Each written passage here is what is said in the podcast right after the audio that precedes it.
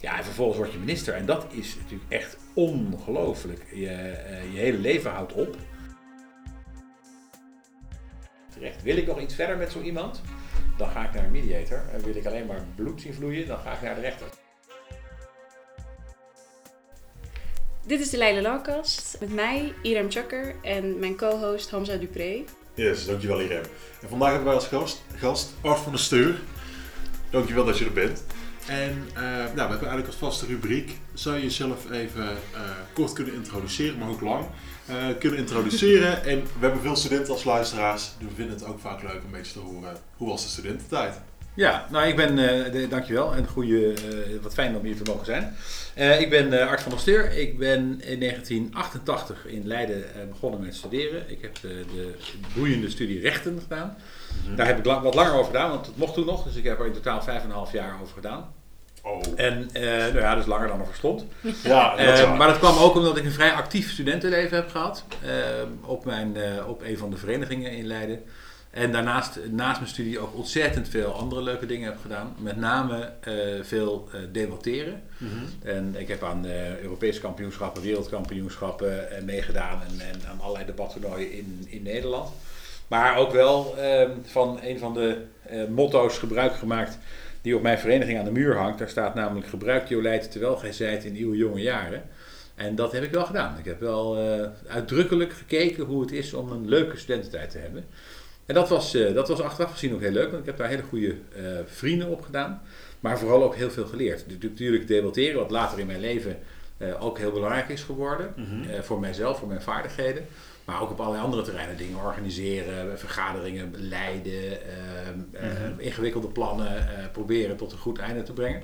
Dus dat was heel erg leuk. Ik ben toen vervolgens afgestudeerd en vrijwel direct advocaat geworden in Rotterdam bij een grote, toen nog het grootste, toen nog het grootste, en, uh, maar nog steeds het oudste advocatenkantoor van Nederland. Daar heb ik uh, elf jaar gewerkt, totdat ik partner werd. En toen ben ik bij de universiteit gaan werken, hier, mm -hmm.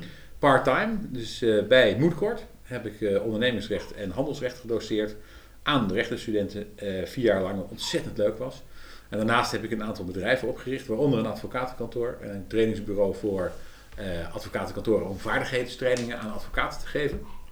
En toen ik dat eenmaal gedaan had, ben ik, ik was in de tussentijd al, toen al bijna acht jaar gemeenteraadslid in de gemeente waar ik woon.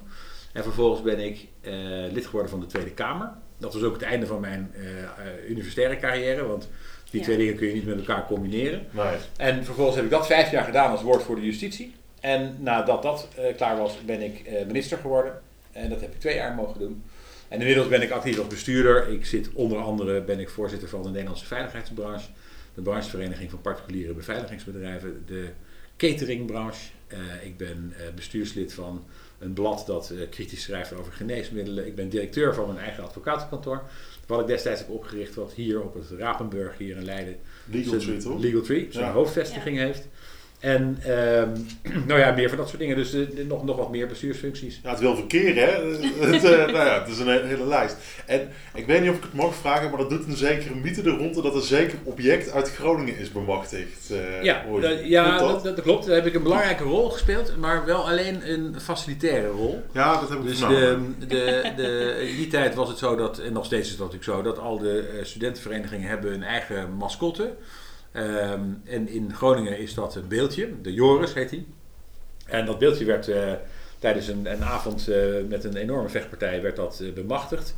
Werd vervolgens over de reling gegooid van het, van het balkon van de betreffende studentenvereniging. En ik stond daar beneden en heb toen voor de afvoer zorg gedragen. En naar Leiden vervoerd met een taxi. Midden in de nacht. Nou, dat was hartstikke leuk. En, en de volgende dag zijn de Groningers een weer komen halen. Ik heb, ik heb ooit vernomen dat er ook een Febo in dat verhaal zit. Klopt dat? Dat klopt, ja. Nee, oh, wat toen, ik had toen een hele zware keuze te maken tussen uh, een, een, hele lekkere Febo-kroket die ik in mijn hand had, of de Joris. Nou, het is de Joris geworden, dus die kroket het ligt daar nog ergens. Oh, wat steengoed. Oh. ik heb dus dus vaker gehoord en ik wist het of het waar was. Ik dacht, nou, ik ga het checken ook. Ja. ja, nu heb je het kunnen factchecken. Steengoed. Ja. Nee, is waar. En, en wat heel leuk was, misschien is het aardig om te vertellen, maar wat heel leuk was, is dat, uh, dat we natuurlijk tegen de chauffeur hadden gezegd van die taxi, van ja, we moeten naar Heerenveen. Want we dachten, als we tegen die man zeggen dat we naar Leiden moeten, dan, dan, dan gaat dat natuurlijk niet goed, loopt niet goed af. En die man heeft natuurlijk helemaal geen zin om midden in de nacht naar Leiden te rijden. Ja. Dus we zeiden toen, van, nou, we moeten naar Heerenveen. En, ehm, en toen, ehm, en vervolgens, eh, en daarna, pas toen we in de buurt van Heerenveen waren, zeiden we, nou, eigenlijk moeten we door naar Leiden. En toen zei hij, dus vroeg die man, zei hij, Leiden? Waar is dat? Toen zeiden we, nou ja, dat is in de buurt van Schiphol. Oh, Schiphol, ja, daar was hij tien jaar geleden wel een keer geweest. Dus dat wist hij dan wel.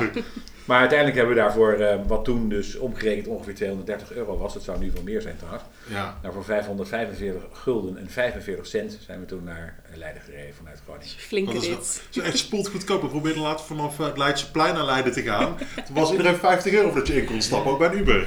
Klopt. Nee, dus dat, is, dat was toen nog iets goedkoper dan nu. Ja, dat klopt. Ja, mooi. Maar dat was mooi. En, dat, en dat, nou ja, dat was natuurlijk ook echt een van de leukere dingen die je natuurlijk meemaakte in je studententijd. Dat er van allerlei dingen kunnen. Hè. Wil je, de- bij veel verenigingen eh, bieden heel veel mogelijkheden aan studenten. Niet alleen inhoudelijk. Maar ook op het gebied van nou ja, dingen als eh, paardrijden en, eh, en zweefvliegen en zeilen Debatteren. en debatteren. En dat soort dingen. Dus ja, ik vind ook mijn boodschap wel aan de, de luisteraars van deze podcast zou zijn. Mocht je nog niet van alle mogelijkheden in je studententijd gebruik hebben gemaakt die je kunt gebruiken, doe het dan. Want ja, je zult toch wel ontdekken dat het later eh, moeilijker wordt eh, om dat soort dingen nog te combineren. Ja. Ja. zeker. Ja, we hebben denk ik ook veel luisteraars die eh, zijn begonnen met studeren in coronatijd. Ja. Dus eh, voor hen zal het eh, vooral denk ik een heel groot verschil maken om nu wel iets te gaan doen bij Ja. eh, wat dan ook. Ja, nou ja, mijn dringend advies is-. Dat, eh, een van mijn, ik had een oom die heeft niet heel veel verstandige dingen gezegd, maar wat hij wel gezegd heeft is, die je moet je heel goed realiseren dat je studententijd de laatste eh, periode in je leven is waarin je echt eigenlijk alles nog kunt doen wat je Ja. maar wil. En, dat moet, en natuurlijk moet die studie ook goed gaan, en dat is natuurlijk ontzettend belangrijk. Maar, eh, maar pak wel die tijd die je hebt en de kans die je hebt om echt alles te beleven wat je maar beleven kunt. echt raarste En dat slapen, slapen. En, en het mooie was, dat professor Wagenaar, die zei dat zo mooi in, in mijn eh, eerste college hier in Leiden. Die zei toen ook van, als we nou met elkaar een afspraak maken. Dat u acht uur per dag gaat studeren. Mhm. En dat u vervolgens acht uur per dag gaat slapen. Wat gemiddeld genomen best veel is. En als u dan dat uitrekent, dan houdt u nog acht uur over. Als u die tijd nou eens gebruikt om feest te vieren, gezellig te, gezelligheid te doen, bier te drinken met uw vrienden en vriendinnen en andere leuke activiteiten te doen, dan hebben wij, maar bent u ook in vier jaar afgestudeerd en dan heeft u vervolgens een toptijd. Nou, dus dat vond ik een heel goed idee. Het is niet, mij niet helemaal gelukt, want die, is toch een, toch een ingewikkelde combinatie, die, eh, die dingen. Maar eh, strikt genomen is het wel waar. Als je het zo organiseert, kun je een fantastische studententijd hebben en ook nog mooi studeren en hoge cijfers halen. Ja, ik moet zeggen, als er achter een bier drinken tussen zit, dan is die achter studeren daarna vaak al een taaie klus geworden. Ja, het gaat er natuurlijk ook wel om hoe je die eh, Hoe je dat inricht. Ja, als dat met een spa rood gebeurt, gaat dat aanzienlijk makkelijker. Maar het Ja. kan wel. Het Ja. kan wel. En het is wel een goed idee. En, ehm, en ik vond dat Wagenaar gelijk had. Dus, eh, Ja, maar het is mij nu ook, geef ik ook eerlijk toe hoor, niet altijd gelukt. Maar het is natuurlijk tegenwoordig best wel ingewikkelder geworden om langzaam over je studie te doen. En dat is ook weer terecht.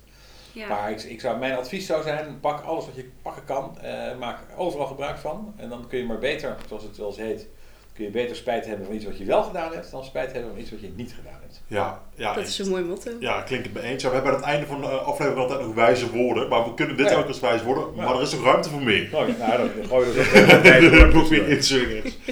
Ja. Ehm, ja, onze luisteraars die, eh, die kennen jou natuurlijk, eh, denk ik, allemaal als eh, minister vooral. Politieke carrière, daar ben je denk ik het meest bekend van. Ehm, misschien is het leuk om daar even op in te gaan. Hoe, is dat, hoe heb je dat ervaren? Hoe is dat geweest? Ja, kijk, de politiek is natuurlijk een buitengewoon boeiend tijdverdrijf en ook een boeiende, boeiend vak. Het is echt wel een vak. Je moet er ook wel heel bevlogen in zijn, want je moet er veel voor laten. Toen, ik, eh, toen ik advocaat was in Rotterdam, was ik dus daarnaast ook gemeenteraadslid en fractievoorzitter. Ja, dat kost ongeveer 20 uur in de week. En dat Mhm. komt bovenop de 60 uur die je op een groot kantoor normaal werkt. Dus dat is best een enorme tijdsbelasting. Niet alleen voor jezelf, maar natuurlijk ook voor eh, je partner en dat soort dingen. Dus je moet er wel heel erg bevlogen in zijn om dat te doen. Ehm, maar ik vond het heel erg de moeite waard, vooral in de gemeenteraad. Omdat ehm, eh, in de gemeenteraad is wat je doet is heel tastbaar. Hè? Dat als je, er zijn nu nog lantaarnpalen, le- letterlijk in, in, in mijn dorp, waar ik gewoon voor heb gezorgd dat ze op de goede plek zijn terechtgekomen. Ja. In plaats van op de plek waar men had gepland dat ze stonden. Of er is een bepaalde bocht in mijn dorp die ik bedacht heb, waardoor we daar geen stoplicht hebben, maar wel iedereen veilig kan rijden en fietsen. Dus er zijn, dat zijn hele tastbare politieke resultaten van politieke handelingen, die natuurlijk minder tastbaar worden naarmate je in de Tweede Kamer terechtkomt. Ja. Maar daar is natuurlijk wel het, het spel wel ingewikkelder. En, ehm, en ook moeilijker. En je moet daar verdomd hard werken. Dus dan komt het goed uit dat je al gewend bent om 80 uur per week te werken. Ja. Want dat Hmm. moet je in de Kamer ook als je er echt een succes van wil maken. Ja, en vervolgens word je minister. En dat is natuurlijk echt ongelooflijk. Je, eh, je hele leven houdt op. Dus je normale leven eh, houdt op. Je, je moeder moet een af- afspraak maken via je secretaresse om eh, nog jou te zien. Hmm. Want ja, anders heb je gewoon echt geen tijd. En ook geen enkel overzicht voor jezelf en je eigen agenda of je er nog iets aan kunt doen. En in eerste instantie dacht ik wel, ik kan mijn eigen agenda nog bepalen. Nou, echt kansloos. Ja. En, en je werkt gewoon 18 uur per dag, 7 dagen in de week. En dat is echt ongelooflijk veel.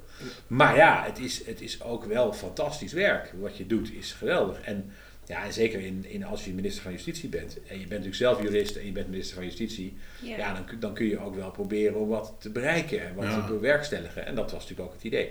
Dus, eh, en dan tussen zit je natuurlijk in die hele ingewikkelde politieke arena, waar iedereen natuurlijk met je oneens is altijd. En probeert eh, fouten te zoeken en die zoveel mogelijk uit te vergroten. En de grap is dat ik natuurlijk als minister van Justitie verantwoordelijk ben voor 120.000 ambtenaren. Je bent de grootste werkgever van Nederland. En die 120.000 ambtenaren, zei ik altijd, ook tegen de pers, zei ik altijd, dat zijn de beste werknemers die we in Nederland hebben. Die maken maar één fout per week. Iedereen. Iedereen maakt maar één fout per week. De meeste mensen maken veel meer fouten per week, maar deze maar één keer. Nou, dat zijn 120.000 fouten. En als, je, en als je dan vervolgens drie keer in de Kamer eh, per maand moet uitleggen wat er weer een fout gebeurd is, dan valt Ja. het eigenlijk reuze mee. Ja. Nou, dus, dus zo moet je het zien. Maar het blijft natuurlijk ingewikkeld, want als er iets fout gaat bij justitie, is het ook altijd ernstig. Dan is er Ja. iemand ontsnapt, of er is iemand dood, of er is eh, eh, iemand per ongeluk eh, de- vrijgelaten, weet je wel. Ja. Er is, de, dus er is altijd dan meteen al wel weer iemand die iedereen, iedereen daar een mening over heeft. Ja. Maar het is een geweldige baan, dus ik kan het, ik kan het niet anders zeggen dan dat het... ten eerste hebben we natuurlijk een grote traditie dat ministers van Justitie in Leiden hebben gestudeerd. Er zijn een paar kleine foutjes. Inderdaad. Een paar kleine foutjes geweest de afgelopen tijd, maar per saldo is dat wel de regel. En eh, ja, ik stel voor ook naar de luisteraars toe dat zij eh, alles aan doen om die posten te gaan bezetten. Irene, jij eh, ambities? Nou, wie weet in de toekomst. nou ja, ja, als het voor vier jaar is misschien. Maar ehm, dan vraag ik me eigenlijk wel af, als dat klaar is, is dat niet een shock van je welste? Zo van, net als op de Olympische Spelen, eh, je, je laatste Olympische Spelen hebben gedraaid, dan stopt je met je leven, daarom draai je toe. Ja, nou dat klopt, dat is ook zo. En, en het is zelfs nog, het is natuurlijk nog, nog veel indringender, want ehm, het systeem, hè, de, de, de, ministers e-mailen met een beveiligd e-mailsysteem. Mhm. Met als gevolg dat je agenda en je e-mail en alles wat in je telefoon zit, dat zit in dat beveiligde systeem. Zodra je minister af bent, dan wordt dat systeem natuurlijk uit je telefoon gehaald. Het Ja. verdwijnt. Dus op het moment dat je de volgende dag wakker wordt, heb je dus geen agenda meer. Je hebt geen contactpersonen meer. Je hebt ook helemaal geen e-mails meer. En ook mensen kun je ook niet meer bereiken via je, je ministeriële Ja. e-mail. Dus ja, je bent gewoon, het is allemaal, het is blanco. Dus gewoon je leven is gewoon van de een op de andere dag blanco. En dat is, dat is wennen als je als je, je hele leven lang eh, gewend bent om eh, de hele dag aan de telefoon te hangen en e-mails te beantwoorden en eh, druk bezig te zijn. Dan is opeens het allemaal weg. Is en dat is, een dag afkik ja, ja, absoluut. Nee, je moet er zeker van afkicken. En je wordt, je wordt ook natuurlijk eerst ook heel moe. Want je hebt natuurlijk, het Ja. is natuurlijk niet normaal om 18 uur per dag, eh, 7 dagen in de week te werken. Dat is toch Nee. niet normaal. Dus je, je wordt er heel moe van. En, dan, en, en je moet heel erg weer gaan nadenken over wat ga ik dan nu doen. Mhm. Ja. Nou, dat heb ik gedaan en daar ben ik dus heel leuk uitgekomen. Ja, Ja, Maar het was wel even een, eh, een ervaring. dat Ja. is wel, wel leuk om te horen, want je hoort Maar ik denk dat die vergelijking die je maakt wel klopt. De- je, je, ik heb het ook wel eens gezegd, hè, je moet het inderdaad zien als een, een profvoetballer die, eh, die, die net de wereldkampioenschappen gewonnen heeft en vervolgens zegt ik stop ermee. Het verschil is dan wel dat een proefvoetballer die de wereldkampioenschappen gewonnen heeft, die heeft een bankrekening met een zoveel nullen, dat hij zich niet geen zorgen hoeft te maken op de volgende baan. Dat is voor een minister van Justitie helaas anders. Maar het is wel, het is natuurlijk hetzelfde idee. Je staat opeens, sta je stil en dan denk je, ja, wat nu? Wat gaan we Ja. doen? Ja, ja, ik heb het wel vaker gehoord. Dat ook Ja. mensen naar de Olympische Spelen zijn gegaan. Het is zo'n concreet punt waar je naartoe Ja. werkt. Nou, hier is dan bijvoorbeeld de nieuwe verkiezing die eraan komt. Ehm, of ja, het vallen van een kabinet, maar ja, daar je natuurlijk niet naartoe of aftreden. Maar het is wel gewoon een heel afgebakend punt. En als dat er is, dan van de een op de andere dag. Ja, klopt. Het is niet dat je gaat afbouwen met uh, Nee, en, en, nee, dat klopt. En het is ook, en ook heel grappig, want het systeem werkt zo dat, eh, dat er is ook geen overdracht. Dus je gaat niet even met je opvolger Ja. zitten om even een paar dagen te zeggen van nou dit gaat zo, zo moet je dit doen en dan moet je dat doen. Dus het systeem is dat dus de, het ambtelijke apparaat, en daar, eh, dat is heel kundig en kwalitatief hoogwaardig, dat die ervoor zorgen dat de nieuwe minister wordt ingepraat over wat er allemaal eh, te, te, te wachten staat. Nou is het natuurlijk wel zo dat de meeste ministers, heb ik ook gedaan, natuurlijk wel even met de voorganger contact hebben. Van joh, Ja. vertel eens, hoe gaat het Ja. ja. allemaal? Hè, dat, dat gebeurt natuurlijk wel. Maar per saldo eh, is, het, eh, is het zo dat je ook, eh, ja, je vervult geen enkele rol meer. dat is ook wel jammer, want je, je gaat natuurlijk heel veel kwaliteit en kennis en kunde verloren Ja. door die overgang van de een naar de andere be- bewindspersoon. Dat is ook weer zo, maar dat, zo zit ons systeem in elkaar. Ja. Ja, Wel echt interessant om het een keer van de andere kant te horen. inderdaad. Ja, maar het is een prachtige baan. En ik kan niet anders zeggen dat, eh, nogmaals, naar de luisteraars, als je de enige politieke ambitie hebt, begin gewoon in de gemeenteraad, eh, hier in Leiden. Eh, ik was ook kandidaat in 1994, toen waren jullie waarschijnlijk nog niet eens geboren. Nee. Ehm, eh, toen was ik voor het eerst kandidaat, ben ik bijna met voorkeurstemmen in de raad gekomen. Dat was helemaal niet de bedoeling, want toen had ik net mijn baan in Rotterdam, dus dat kon helemaal niet. Maar het was wel spannend. En, ehm, en ik heb met heel veel plezier die gemeenteraad gedaan, jarenlang. Ook omdat het inderdaad zo concreet is. Dat maakt het Mhm. mooi. En dan kom je langzamerhand in die Tweede Kamer, waarbij het veel lastiger is om daar echt eh, grote, ehm, ja, eh, concrete successen te oogsten. Oh, En- vogels op de achtergrond. eh. Ja, we horen even wat eh, Even gezellige, gezellige meeuwen, wat altijd... eh, Zoals een beetje zo'n luisterspel zo, hè? Ja, wordt het, precies. Het hoorspel. We gaan zo in de grindbak ook opkomen.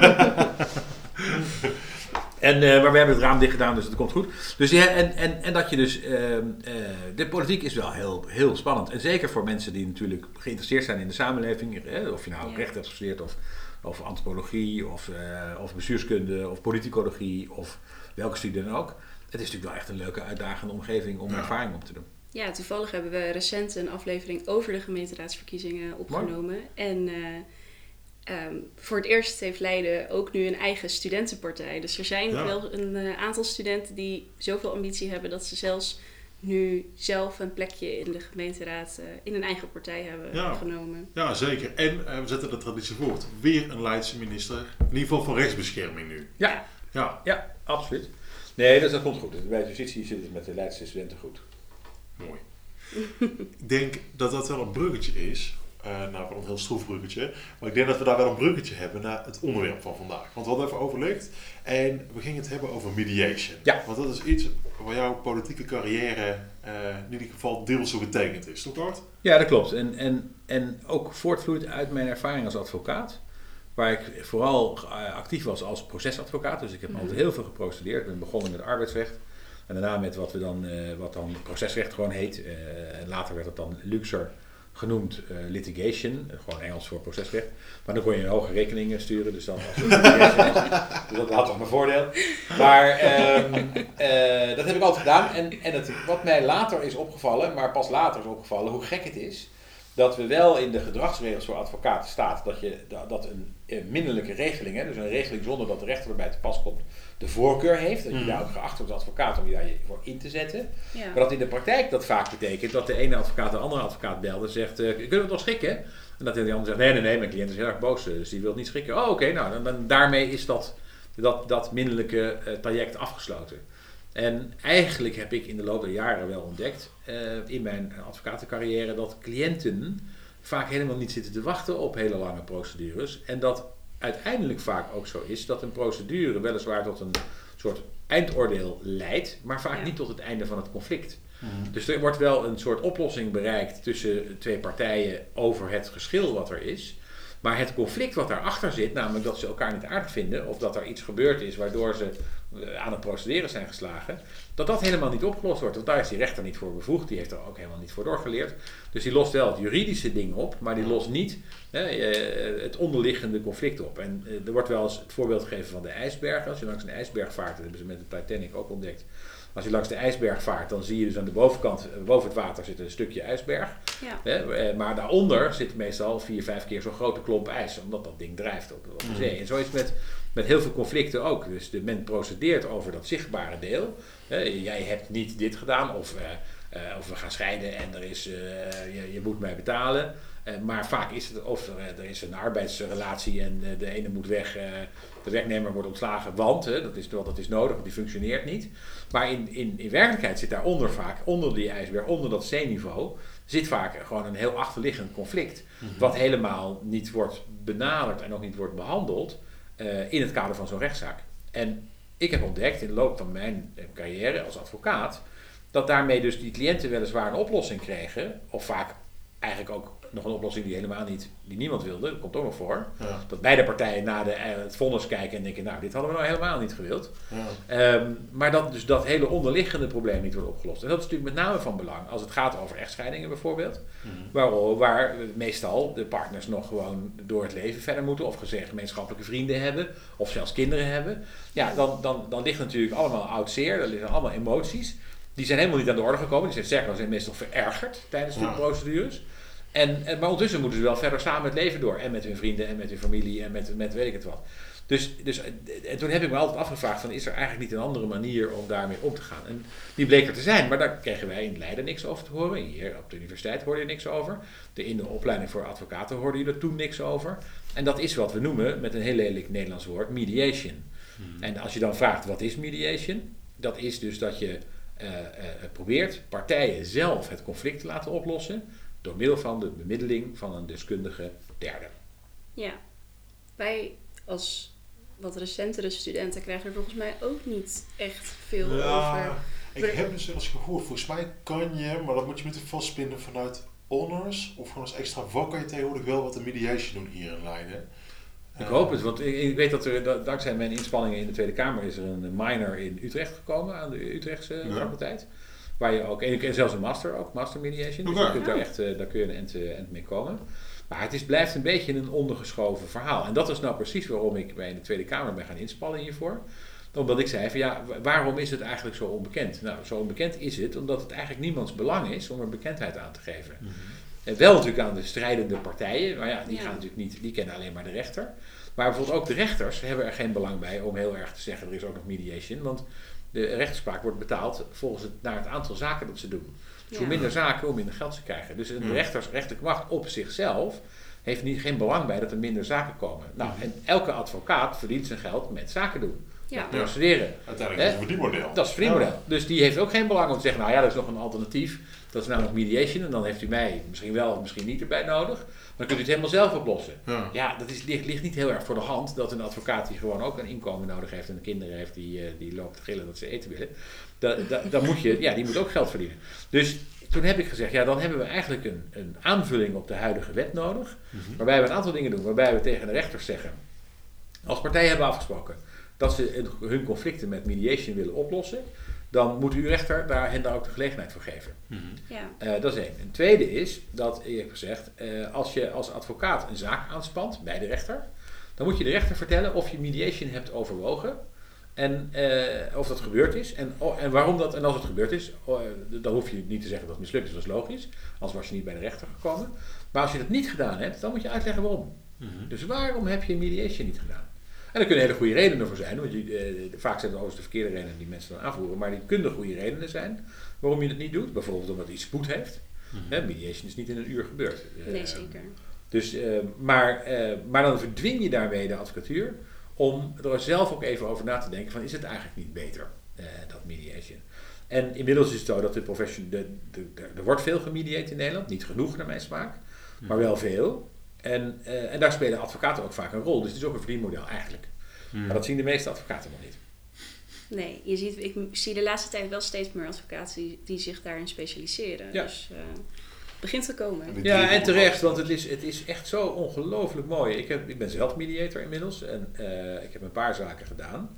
En, en het is zo van, waanzinnig mooi om te zien dat je mensen dan echt zelf in staat, dat mensen zelf in staat zijn om hun conflict en hun geschil, hè, die, zijn, die twee dingen kunnen verschillend zijn, eh, om dat onder woorden te brengen. Dus die, die, die, dat ook dat, dat die ijsberg onder het eh, zeeniveau, om die op tafel te krijgen. Waarom ben ik eigenlijk zo boos op jou? Wat is er nou eigenlijk allemaal gebeurd?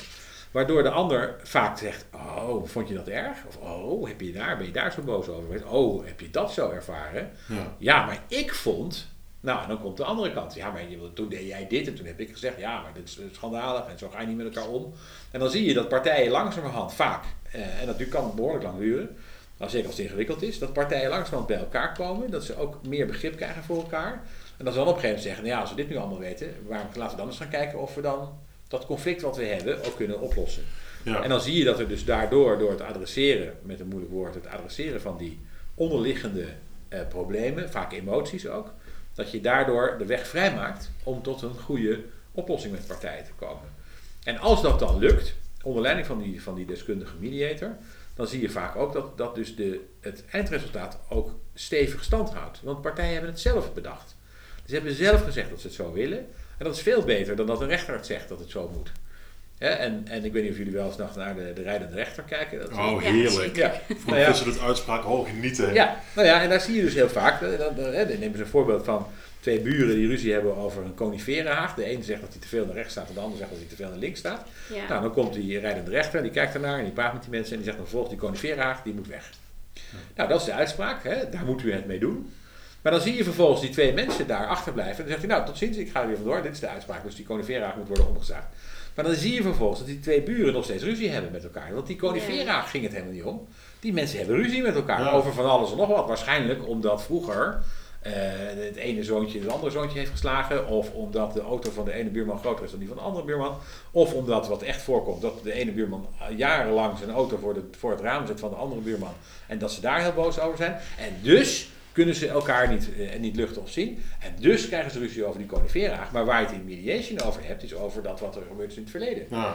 Dat los je op. Dan zeg je, goh jongens, wat, wat was dat nou vreselijk. En dan kunnen, kan de ene buur ook zeggen, joh, ik heb het nooit gerealiseerd dat jij zoveel last had van die auto voor je raam. En had ik dat geweten, had ik het nooit gedaan.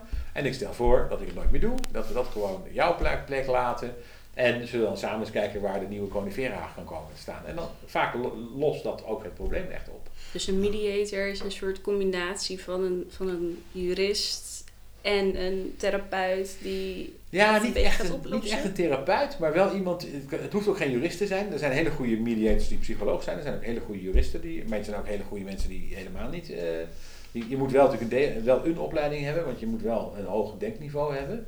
Ja. Maar, uh, en therapeut ben je niet, want het psychische probleem moeten mensen echt zelf oplossen. Nee, maar, uh, maar je bent wel iemand die met gevoel voor emotie, uh, die vaak in allerlei conflicten, gek genoeg ook in zakelijke conflicten, hè, hmm. ook tussen grote bedrijven speelt toch gek genoeg ook emotie vaak een rol. Wonderbaarlijk, maar het is zo. En, of angst bijvoorbeeld, angst voor de concurrentie of ehm, een paniek om wat er in de wereld gebeurt of om failliet te gaan. dat zijn allemaal ook emoties. Ja. Uh, waardoor dan standpunten verharden en mensen opeens onredelijk worden. En dat kan allemaal. Uh, dan zie je dat het eigenlijk overal wel een rol speelt. En het is aan de mediator tot taak om dat dus op een verstandige en verantwoorde manier boven tafel te krijgen. Heel vies gezegd, de puist moet worden uitgeknipt. Ja, nee, ik snap het wel erg goed hoor. We hebben dat wel eens, dat is altijd echt een heet hangijzer. Dan ging je hospiteren thuis. En dan moet er iemand ingestemd worden. En dan in één keer komt een partij oud zeer aanzetten. Terwijl uiteindelijk of Jan of Piet of Klaas uh, die kamer krijgt. Kijk, het maakt niet uit. Nou ja, het maakt niet uit. misschien... hij moet wel passen, of hij of zij moet wel passen in het huis natuurlijk. Ja, precies. Maar, maar je, je, het is wel fijn als je dat op objectieve criteria kunt doen. Van klikt dat en is het, in plaats van dat er allerlei rimram omheen komt waar zo'n zo iemand ook niks aan kan doen vaak. Of, of waardoor daar, of beelden die er bestaan, die niet terecht zijn. Ja, maar ook wel dat er dan oud zeer kan bovendrijven van ik voel me gewoon niet serieus genomen. En dat is dan iets wat al langere tijd speelt. En op zo'n moment ontploft dat ineens. Ja. Terwijl wie er nou precies wat ingestemd of wat er op die avond wordt besloten. Dat is inderdaad dat puntje van de ijsberg. Maar eigenlijk het hele nou, gezeik wat eronder zit, ja. Dat adresseren is een veel groter punt. En dat, dat brengt me ook een beetje bij de vraag, ook uit het eigen belang. Hoe ga je daar aan staan als je dat merkt van hier zit, nou hier, die puis zit goed vol. Peuteren. Ja. En uh, wat zijn nou wat tips voor om dat te doen? Nou ja, kijk, om, ten eerste natuurlijk om partijen, je, je krijgt partijen aan tafel en daar is vaak dan ook nog, uh, niet, vaak wil, is, heeft niet iedereen hetzelfde dezelfde grote wens om tot een oplossing te komen, omdat dus die emoties daar nog van in de weg zitten. En dan is het wel taak van de mediator om door een aantal heel veel gerichte vragen mensen in staat te stellen om, om uh, in een veilige omgeving, hè, want mediation is geheim, dus ook alles wat je zegt over elkaar gaat ook niet verder dan, dan daar. Mhm. Dat heeft een groot voordeel dat ook als je dus heel onaardig bent tegen elkaar, of als je in in een mediation op een gegeven moment iets heel doms zeggen. Bijvoorbeeld, nou ja, mag het mij dat de auto wel hebben. Dat je dan later niet kan zeggen, ja, maar je hebt mij gezegd dat ik de auto mocht hebben. Dat kan allemaal niet. Hè? Dus mediation is een veilige omgeving. Partijen moeten, zijn verplicht om dat, om dat geheim te houden. Mogen ook niet aan de rechter vertellen wat ze gezegd hebben of gehoord hebben. Ja. Uh, en ook alles wat je toezegt in een mediation is pas echt toegezegd op het moment dat er een schriftelijke overeenkomst ligt waarin, waarin staat dat je dat hebt afgesproken. Ja. En tot die tijd is er geen afspraak. Dat maakt het heel veilig om voor mensen om, om te zoeken naar hoe, wat is nou de beste oplossing voor Ja. ons probleem. Maar hoe pak je het aan? Is, is dus ja, vooral veel vragen stellen. Veel vragen stellen, veel kijken naar mensen, veel eh, eh, mensen in de gelegenheid stellen om dat wat er gebeurd is, om dat boven tafel te krijgen. En vooral ook om bij de ander te toetsen of die begrijpt waarom de ene daar zoveel moeite mee heeft gehad. Hè? Dus, en dat is vaak niet zo. Mensen zijn natuurlijk verschillend en wat de een heel erg vindt, vindt de ander helemaal niet erg. Hè? Ik geef nog een voorbeeld uit mijn studentenhuis. We hadden één jongen in, mijn, in ons studentenhuis, die, die leende altijd van iedereen kleding. Nou, dat, op zich is dat niet erg. Ik, vind het prima als iemand van mij een das leent of een, of een paar sokken. Ja. Dat is prima. Behalve als je het niet teruggeeft. Dus Ja. als ik dan vervolgens mijn nette sokken nodig had, dan dan trok ik, trok, trok ik mijn la open, waren alle sokken weg. Ja. Ja, hoe kan dat? Waar zijn die sokken dan? Weet je wel? En die werden dan, en die kon je dan, kon je dan bij hem op zijn kamer ergens in de hoek, kon je dan jouw sokken terug. Ja, maar, en, en dus, dus ik heb dan, en, en dan is de neiging om te zeggen, dat, dat, die vent die deugt niet, want die steelt mijn sokken. Maar in feite is het alleen maar zo dat je met hem een afspraak moet maken. Joh, luister, vraag het even. Ja. En zorg ervoor dat ze dan ook na gebruik niet bij jou in de hoek blijven liggen, maar gewoon netjes weer gewassen en gevouwen in de la liggen. Dat is Ja. niks aan de hand. Nou, en, en, en, maar vaak ontspoort zoiets omdat partijen dat dan niet- goed en dan reageert de ander. Want de ander vindt dan waarschijnlijk volkomen normaal Hmm. dat als iemand van hem iets leent, dat je dat niet teruggeeft en gewoon in de hoek smijt. Ja. Nou, dan heb je dus twee verschillende sets eh, normen die tegenover elkaar komen te staan. En waarbij beide partijen niet begrijpen. De een begrijpt niet dat, hij, dat ik het normaal vind dat hij mijn sokken teruggeeft. En de ander begrijpt niet dat het volkomen normaal is om die gewoon in de hoek te smijten. En als je dat niet bij elkaar brengt, gaan die twee elkaar nooit begrijpen. Nee. Nee. Nou, en dat is de rol van de mediator, is om dus bijvoorbeeld ook door vragen te stellen en, en te reflecteren. Hè. Je hebt het mooie systeem van LSD, hè, luisteren, samenvatten, doorvragen. Dus in dit specifieke geval zou je dan zeggen, god, dus ik begrijp heel goed dat jij het heel vervelend vindt als iemand van jou iets leent en dat niet teruggeeft. Ja, klopt dat? Ja, Ja. dat klopt. Eh, en ik, ik begrijp ook dat je het eh, onbehoorlijk vindt dat iemand die van jou iets leent het niet, niet alleen niet teruggeeft, maar ook nog eens een keer niet even wast en opvouwt en netjes en het niet van je vraagt. Vind je dat klopt? Ja, nee, dat klopt inderdaad. Nou, en dan is dus de volgende vraag aan de wederpartij. Zeg, goh, snap je dat? Kan je je daar iets bij voorstellen? Hmm. En dan zegt hij, nee, dat kan me helemaal niks bij voorstellen. En dan zegt hij volgens die andere zegt dan, goh, maar snap jij dat hij dat zegt? Nee, dat begrijp ik niet. Hij zegt, nou, maar dan hebben we hier dus nu even een conflict. Jullie zitten dus totaal anders in, in de wedstrijd. Maar dan is de volgende vraag is, als je nou weet dat hij het zo vervelend vindt dat jij zijn sokken leent, zou je dat op een andere manier kunnen doen? Nou, dan zegt zo iemand, ja, op zichzelf kan dat natuurlijk wel. Zou dat dan eh, helpen? Vraag je dan weer aan de ander. Ja, als dat zou helpen, als hij mij gewoon een appje stuurt of een, of een sms'je stuurt met de vraag, kan ik je sokken even lenen? Dan zeg je, ja, dat is goed. En dan wil ik ze morgenochtend terug, want ik heb dit weekend, moet ik naar mijn ouders, bij wijze van spreken. Ja. Nou, dan, en dan wordt het opeens een draagbaar systeem. Dan kun je met elkaar er afspraken over maken. En als de ander daar dan niet aan houdt, ja, dan, dan eh, houdt het op met het Sokkenleenfestival. Ja. Eigenlijk een soort van relatietherapie. Ja, maar, maar dan zonder dat je dus helemaal in die psychologie Ja. gaat van eh, hoe ingewikkeld mensen zijn die bij elkaar eh, komen en zo. Het is echt gericht op het conflict. En als Ja. ze daarna nog in therapie moeten, moeten ze dat vooral ergens anders doen, maar niet bij eh, de mediator. Ja. Maar het helpt dus, kijk, het is natuurlijk heel logisch dat het heel goed helpt bij eh, eh, echtscheidingen. Hè. Daar is mediation, denk ik, eerlijk gezegd, gewoon eh, verplicht, zou dat verplicht moeten zijn. Eh, dat moet je echt doen, want mensen, het is, en zeker als er kinderen zijn, het is zo kwetsbaar. En er komt zoveel emotie bij kijken, dat, dat eh, eh, zelfs de meest rationele mensen worden nog boos op elkaar in een echtscheidingssituatie. Dus, dus daar moet je echt mediation toepassen. En het is heel logisch dat als het gaat over erfrecht, hè, dus de erfenissen, dat je dan ook mediation toepast. Maar daar hebben we inmiddels wel geleerd, bijvoorbeeld, dat je dat niet moet doen als iemand al dood is, maar daarvoor. Ja. Dat degene die weet of verwacht dat hij op enig moment gaat sterven, is met zijn erfgenamen aan tafel zitten onder leiding van een mediator en zegt: hoe, hoe stellen jullie het je voor? En dan komt het bijzondere dat, dat in dat soort mediations vaak dan, dat zegt de vader, zegt dan, even de vader of de moeder, wie dan ook, die zegt dan: van nou, ik ben van plan om het huis na te laten aan jullie alle drie. Waarop dan heel vaak twee zeggen: nou, eh, dat hoef ik helemaal niet. Ja. Geef mij maar geld, want ik heb dat huis niet, wil ik het gedoe Ja. helemaal niet hebben. Dus, dus als jij aan eh, Piet eh, het huis nalaat en Piet zegt, ja ik wil heel graag het huis hebben. En dan opeens zegt, kijkt vader om zich heen en denkt dan, wat krijgen we nou? Ik dacht dat ze alle drie het huis wilden, maar dat willen ze helemaal niet. Piet wil het huis en de andere moet ik gewoon zorgen dat die netjes een ander deel van, het, eh, van de erfenis krijgen. Als dat er is natuurlijk. Maar, ehm, en, en dan blijkt uit zo'n mediation opeens dat dus een onderwerp wat nooit eigenlijk besproken wordt, zoals de erfenis, Ja. dat je dat van tevoren heel goed kan opschrijven, waardoor er daarna geen discussie is. Ja. Ja.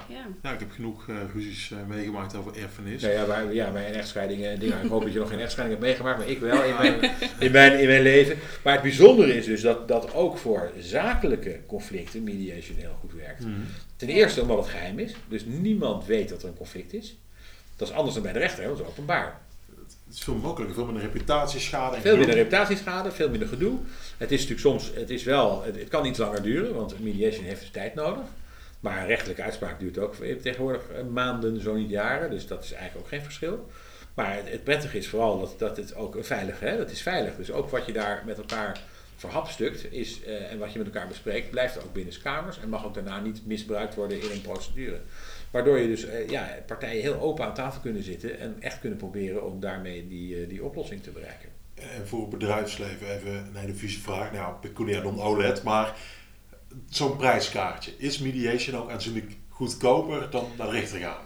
Eh, ja en nee. Eh, dat, ja, het mediation is per saldo goedkoper dan naar de rechter gaan, omdat er natuurlijk heel veel maatschappelijke kosten bijkomen bij de rechter. Je hebt twee advocaten nodig. Je hebt in mediation maar één mediator nodig. De tarieven voor mediators zijn ietsje lager dan de tarieven van topadvocaten, dus dat is al, al een prettige bijkomstigheid. Maar, in werk, maar vaak is het wel zo dat, dat zeker in, in professionele zaken eh, natuurlijk wel advocaten bijstaan in de mediation, dus dat is niet op zich geen besparing. Ja. Maar je, je, je kunt eh, veel efficiënter met elkaar afspraken maken. En het mooie is dat ook bewezen is, dat is wetenschappelijk onderzocht, dat als er in mediation een eindovereenkomst komt, dat die eigenlijk ook altijd wordt uitgevoerd. Dat die dus nooit leidt tot nadere geschillen. En dat is bij de rechter vaak wel zo. Dat de Ja. rechter zegt, meneer A moet dit doen, mevrouw B moet dat doen. Dat vervolgens partijen daar weer een knetterende ruzie over krijgen en weer opnieuw naar de rechter gaan. Of in hoger beroep gaan. Nou, en dat is, dat is allemaal niet. Je, je, je beëindigt de zaak met een overeenkomst. En het kan zelfs zo zijn dat de zaak niet opgelost wordt, maar dat partijen bijvoorbeeld wel zeggen, we sluiten wel een overeenkomst en daarin spreken we af hoe we dan die oplossing aan een ander overlaten. Bijvoorbeeld door bindend advies toe te passen of, of arbitrage of een rechter of wat dan ook. Waardoor het alweer makkelijker wordt om die stap te zetten en daar niet meer ruzie uit voortvloeit. Ja, dat gevoel van, ja, wij noemen dat bij criminologie wel eens processuele, ehm, wat is die term daar nou voor? Eh, Ik weet niet waar je naar Processuele, gedaan, dus ik weet het niet. ehm, processuele rechtvaardigheid, procedurele rechtvaardigheid. Ja. Dus je denkt van ja, kijk, prima, de rechter kan alles zeggen wat ze willen, maar zolang ik me daar niet in kan vinden, heb ik er gewoon geen zin in. Ja. Terwijl, hier lijkt, dat, lijkt je dat eigenlijk mee vast te pakken. hè? Nou ja, en, en, en precies. En, en laten we nou eens nemen het voorbeeld van het bestuursrecht. Hè. Daar gaat het altijd over dat de overheid, een overheidsorgaan heeft een besluit genomen. Dan zegt de wederpartij zegt, eh, dat besluit was onvoldoende gemotiveerd. Hè, dus de, dan daar verdedigt de, het overheidsorgaan zich tegen. En eh, dan is de eindconclusie is ja of nee, dat besluit wordt vernietigd. Of het besluit wordt niet vernietigd. Als het besluit vernietigd wordt, dan staat het het bestuursorgaan vrij om een nieuw besluit te nemen met een nieuwe motivering. Dus als het gaat over de bouw van een, eh, van een huis of over een brug of wat dan ook, of een plek waar jij hem niet hebben wil, dan kan het heel goed zijn dat je je zaak wint doordat het, het besluit vernietigd wordt waarmee de vergunning werd verleend om dat, om dat huis te bouwen of die brug te bouwen. Maar dat vervolgens het bestuursorgaan zegt, ja, we willen wel die brug. De bestuurlijke lus. De bestuur, en dan zeggen we dan vervolgens, nou, dan nemen we weer een nieuw besluit, waar weer opnieuw die vergunning, maar dan gaan we beter motiveren. Ja. Ja. Terwijl, in, en wat men dus heel graag in, in het bestuursrecht wil, is dat, eh, ook in, daar was ook heel veel behoefte aan mediation, te zeggen, ja, maar laten we nou die partijen bij elkaar zetten. En zeggen van, luister even, jullie hebben een probleem met die brug. Kan die brug niet ergens anders? Kan die Ja. niet een meter naar links? Kan die niet een meter naar rechts? Kan dat, die, dat, dat huis niet op een zodanige manier worden neergezet dat jullie er wel mee kunnen leven? Nou, en daar speelt natuurlijk ook mediation weer een belangrijke rol. En dan ben je natuurlijk veel beter uit, want anders heb je een hele reeks van procedures tot aan de Raad van State en terug. En nu heb je de kans om in mediation het hele conflict in één keer op te lossen. De puist uitknijpen. Dus de prijs uitknippen. En, en, en dus ook daarmee eh, eh, per saldo een hoop geld besparen voor de samenleving. Een hoop emoties besparen. Partijen ook weer, en dat is natuurlijk heel belangrijk, in staat stellen om weer verder te gaan. En als het gaat over man en vrouw, of ex-man en ex-vrouw, of over eh, broers en zussen in een erfenis, of over twee bedrijven waarvan de een de logische toeleverancier is voor de ander. Hè, dus de de bedrijven die ruzie krijgen over de kwaliteit van een product, kunnen na een geslaagde mediation vaak weer verder met elkaar handelen drijven. Terwijl na een geslaagde procedure waarbij de een verloren heeft en de ander gewonnen heeft, dan is het toch vaak zo dat je zegt, nou ik wil niks meer met die lui te maken hebben. Dat is zonde. Dat is echt zonde. Dus het daadwerkelijke probleem oplossen. Ja. En dat is wat mediation kan. Dat is wat mediation ook bewijst. Hè. De, de, we weten dat gemiddeld genomen ongeveer 70 tot 80 procent van de mediation slaagt. Dus dat is echt heel veel. Ja. Ehm, eh, en we weten dus ook dat die uitspraken, dus die eindconclusie, dat die overeenkomst heel weinig tot problemen leidt. Mhm. Dat is ook al heel goed om, om mee te maken. En dan zien we dus vervolgens dat daar waar Nederland vroeger, en dan praat ik over in de tijd dat ik eh, advocaat was, eigenlijk een voorloper was op het gebied van mediation, Mhm. is het inmiddels zo dat in alle landen om ons heen, in België, in Duitsland, in Engeland en in Italië en overal nergens, zijn allemaal wetgeving aangenomen om mediation beter te verankeren in het rechtsbestel. En dat is in Nederland nog nooit gelukt. Nee. Ik heb dat enorm geprobeerd met, eh, met wetsvoorstellen als initiatiefwet, wetsvoorstellen in de Kamer. Ik heb het als minister geprobeerd, maar ik had niet de kans gekregen om het af te maken. En toen is het blijven liggen en dat is doodzonde. Het moet echt geregeld worden. Ja, want nou ja, mocht er iemand luisteren die toevallig in de Kamer is gekomen. Ja. Dit, kijk, natuurlijk, dit is een verhaal, dit is Hosanna. Als, als, dit, als dit zo werkt, en we hebben ook wat artikelen doorgelezen, het lijkt ook wel echt zo te werken. Ja, Als het echt zo werkt, hier hoort toch gevolgen aan gegeven te worden. Ja, dat vind ik ook. En dan zeggen natuurlijk mensen die in de Kamer die dus tegen de wetgeving zijn, die zeggen dan ja, maar het kan al. Hè? Mensen kunnen al daar terechtkomen. Maar als je natuurlijk weet dat heel veel advocaten het proberen om angstvallig te verzwijgen dat die mogelijkheid er bestaat, omdat ze denken dat ze daardoor zaken en ge- geld en brood verliezen. En als je weet dat natuurlijk de rechter intrinsiek eigenlijk niet behoeft, geen behoefte heeft aan mediation, omdat ze weten dat ze dan al minder zaken krijgen, ja, dan is er, zijn er best behoorlijk wat gevestigde belangen Ja. die, eh, die verhinderen dat, het een, dat zo'n wet een succes wordt. Ja, wat, wat ik dan toch denk, jij noemde bijvoorbeeld, eh, nogmaals, heel vies, maar geld. Je zou, zou het eigenlijk niet mogen zeggen natuurlijk. maar als jij zegt van een mediator verdient iets minder dan een topadvocaat. Nou, ik heb een paar bijbaantjes gehad, nog niks heeft me dat opgeleverd, jammer genoeg. Dan denk ik, nou, waarom is het niet net zo gewild tegenwoordig dat je denkt, ik wil partner eh, mediation, eh, dan dat je denkt, ik wil partner Ja. bij een... Het, het gelukkige is dat, dat nou ja, omdat er dus relatief, er, er wordt wel veel gemediate, maar veel te weinig om heel veel mensen een, een boterham te kunnen laten verdienen. En er zijn in de zakelijke mediation nu twee of drie serieuze kantoren, dus vergelijkbaar met advocatenkantoren, ontstaan. Eh, met name in Amsterdam. eh, waar, eh, waar echt gewoon door een heel kantoor, 6, 7, 8, 9 mediators, heel serieus hele grote zaken worden eh gemediate. Dus, dus de professionele kant van de zaken is er. En er zijn vervolgens heel veel mediators die vermoedelijk wel een keer, eh, die wel met regelmaat eh, mediatiezaken doen. Maar er zit nog heel weinig kwaliteit achter, er zit nog heel weinig eh, verplichting achter. Je- de, de- het kan echt gebeuren dat je bij een mediator uitkomt en dat die zegt van nou meneer of mevrouw, wat ontzettend fijn dat u er bent. U bent de, de, de, hè, het is december en u bent de tweede klant dit jaar. Nou, als, als jij bij de tandarts binnenstapt, ik weet niet of het jou is, ik kijk even naar mijn overbuurvrouw. Maar als, je, als ik naar mijn overbuurvrouw kijk en zeg, goh, je komt bij de tandarts en die zegt, oh wat fijn mevrouw dat u bent. U bent de tweede patiënt dit jaar. Dan, dan is mijn advies omdraaien en wegwezen. ja, Nou, en dat geldt bij een advocaat precies zo. Als een advocaat in december zegt, oh wat leuk, ik heb een nieuwe zaak en dat- is mijn tweede zaak van dit jaar. Dan is mijn suggestie is wegwezen, niet naar die advocaat. Maar dat, dat geldt bij mediators dus niet. En ik vind echt dat, je, dat, dat we verplicht zijn, dat was ook een idee in dat wetsvoorstel voor mij, om, om ook kwaliteitseisen te stellen aan de mediator. Dat, dus aan de ene kant verplicht je de samenleving om meer over mediation na te denken, waardoor er meer mediation werk komt. En aan de andere kant moet je ook natuurlijk de mensen beschermen door te zorgen dat als, er, als je dan bij een mediator uitkomt, dat hij het ook kan. En dat hij ervaring heeft en dat hij weet hoe het gaat. ja, dat je geen kwakzalver hebt, Ja. bij wijze van. Nou ja, en in mijn geval heel simpel. Ik ben opgeleid tot mediator. Ik heb een aantal zaken gedaan. En vervolgens tijd lang niet. En ik moet eerlijk zeggen dat ik, ik zou kunnen denken dat ik het nog steeds kan. Maar ik, moet, al- ik ben wel, er zou nu een beetje de tandarts zijn die zegt, oh fijn dat u komt. Want u bent de eerste zaak dit jaar. Ja, dus ik vind van mezelf dat ik het bijvoorbeeld niet meer moet doen. Als ik het weer zou willen nou, gaan doen, dan vind ik dat ik eerst weer even bijvoorbeeld een, een opfrissingscursus zou moeten doen om het weer even scherp te zetten allemaal. Ja. En, en, en ik, dat is voor mij makkelijk omdat ik natuurlijk die wet heb gemaakt en daar staat in wat ik vind dat je per jaar moet doen om ervaren te zijn. Nou, daar kom ik niet aan. Dan moet je er ook niet, moet je ook niet moeilijk over doen. Maar de, eh, dus dat vind ik dat er wel geregeld moet worden, ook ter bescherming van de mensen die naar zo'n mediator gaan.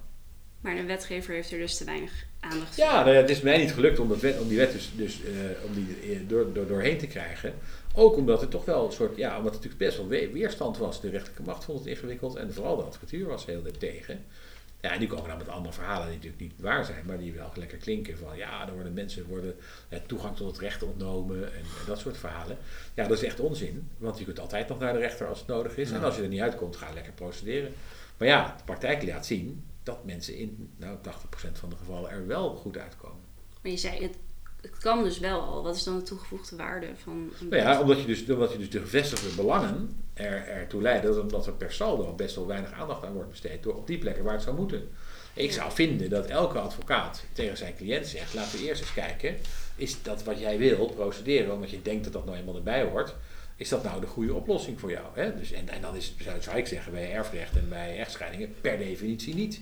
En bij arbeidsrecht ook niet. Er is inmiddels een uitspraak, paar uitspraken van, van dus kantonrechters, die zeggen ook, als je niet mediation geprobeerd hebt in het arbeidsrecht, dan eh, handel je in strijd met het goed werkgeverschap. Mhm. Dus daar is eigenlijk wel geaccepteerd, zonder Ja. wetgeving, dat is heel mooi, dat je als je iemand wil ontslaan, dat je per definitie gewoon moet zeggen, dan gaan we eens even naar een mediation kijken, hoe we dat, hoe we dat oplossen.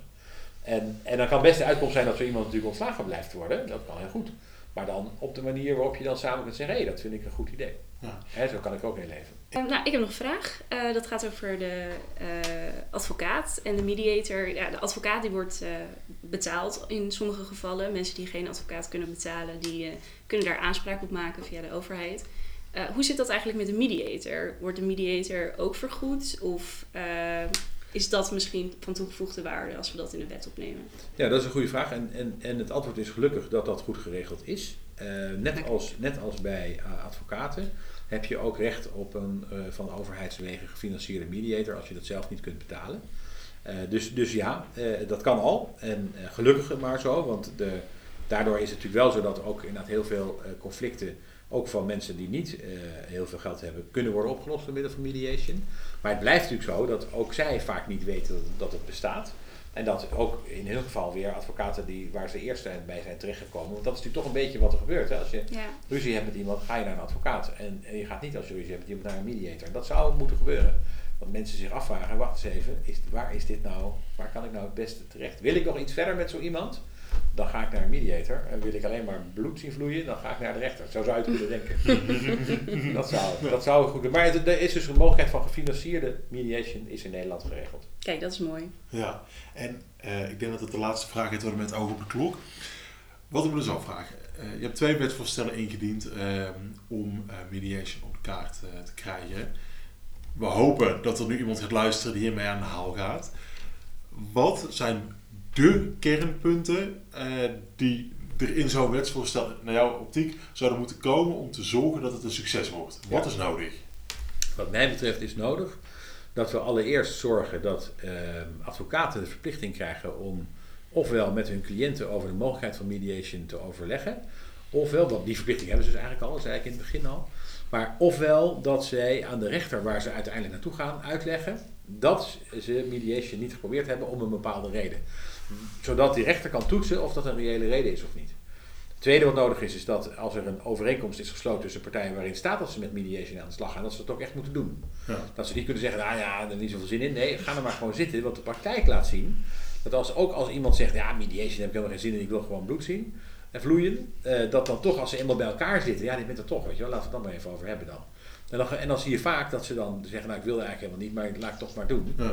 Dus dat, dat is belangrijk. Ik vind het belangrijk dat we kijken naar de kwaliteit van die mediators. Hè. Wat, wat is dan een goede mediator? Zoals we dat inmiddels Ja. gelukkig ook bij advocaten doen. Dat deden we vroeger niet, maar nu wel. En eh, er zijn nog her en der plekken waarin ook de mensen die ik sprak toen ik bezig was met het wetsvoorstel zeiden, maar doe het voor ons daar ook. Eh, Mhm. Simpel voorbeeld. Eh, in het bestuursrecht, waar we het net over hadden, die willen ook heel graag dat mediation daarin staat. Zodat ze een handvat hebben om ook tegen partijen te zeggen, kijk, de wet schrijft ons voor dat we nu op dit punt even met u gaan praten over mediation. Zou het niet verstandig zijn, uw gemeente en u, Mhm. eh, eigenaar van dat, eh, dat stuk grond waar jullie ruzie over hebben, dat jullie samen eens gaan kijken of je het probleem niet kunt, anders kunt oplossen. En datzelfde geldt ook nog eens een keer voor de Belastingdienst. Eh, want daar wordt ook gemediated, dat weet niemand, maar het is wel waar. Dus de- op al die plekken waar dat nodig is, moet die verwijzing naar mediation in de wet komen. Met een stimulans voor partijen om ook daar gebruik van te maken. Ja, nou, dat was een mooie, een mooie antwoord op de laatste vraag, denk ik. En we moeten gaan afronden. Onze afleveringen ronden we eigenlijk altijd af met wijze woorden. We vragen altijd onze gasten of ze eh, iets moois willen eh, vertellen. Dat mag aan ons, dat mag aan alle luisteraars, eh, dat mag aan de faculteit, dat mag aan wie dan ook. Ehm, aan u het woord. Dankjewel. Ja, ik kan niet anders zeggen, dat, we hebben het in het begin erover gehad. Ehm, het belangrijkste is dat alle luisteraars die student zijn, zich moeten realiseren dat dit de kans is om eh, echt alles uit het leven te halen wat er is. Dus doe dat ook gewoon. Eh, naast je studie, zeg ik dan, want dat hoort erbij natuurlijk. Naast de studie alles doen en laten wat je kunt. En dan denk ik dat het mooi is om dan toch nog even te herhalen wat er op die studentenvereniging bij mij aan de muur stond. Gebruik Jolijt terwijl gij zijt in uw jonge jaren. I feel great forces. Die. Heel mooi. Ja, eh, ja, dank u wel. Ehm, ik ben de eerste van onze, van onze alumni die eh, we aan tafel hebben. En dat is eh, een nieuwe kleine reeks in onze podcast. Eh, en dat was erg leuk, denk ik. Ja, ja, echt super bedankt voor het langskomen. Dankjewel, graag gedaan. Ik vond het heel leuk en veel succes met de reeks. Ja, dank u bedankt. wel.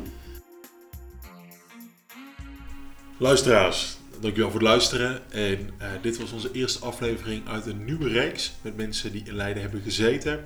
Eh, dus niet op dit moment in Leiden zitten. En we zijn ontzettend blij dat Ars van de Stewart voor ons wilde aftrappen. Vergeet ons niet te liken op alle socials en te volgen natuurlijk. En we zijn te beluisteren op Spotify, Google Podcast, YouTube, Soundcloud. Soundcloud. Wel op Soundcloud. We zijn op Soundcloud te luisteren. En we kunnen nu een Spotify 5 sterren van jullie ontvangen. Doe dat ook alsjeblieft. Het helpt ons ontzettend met groeien. En Heel erg bedankt voor het luisteren. Leiden Welkast, verdacht vermakelijk.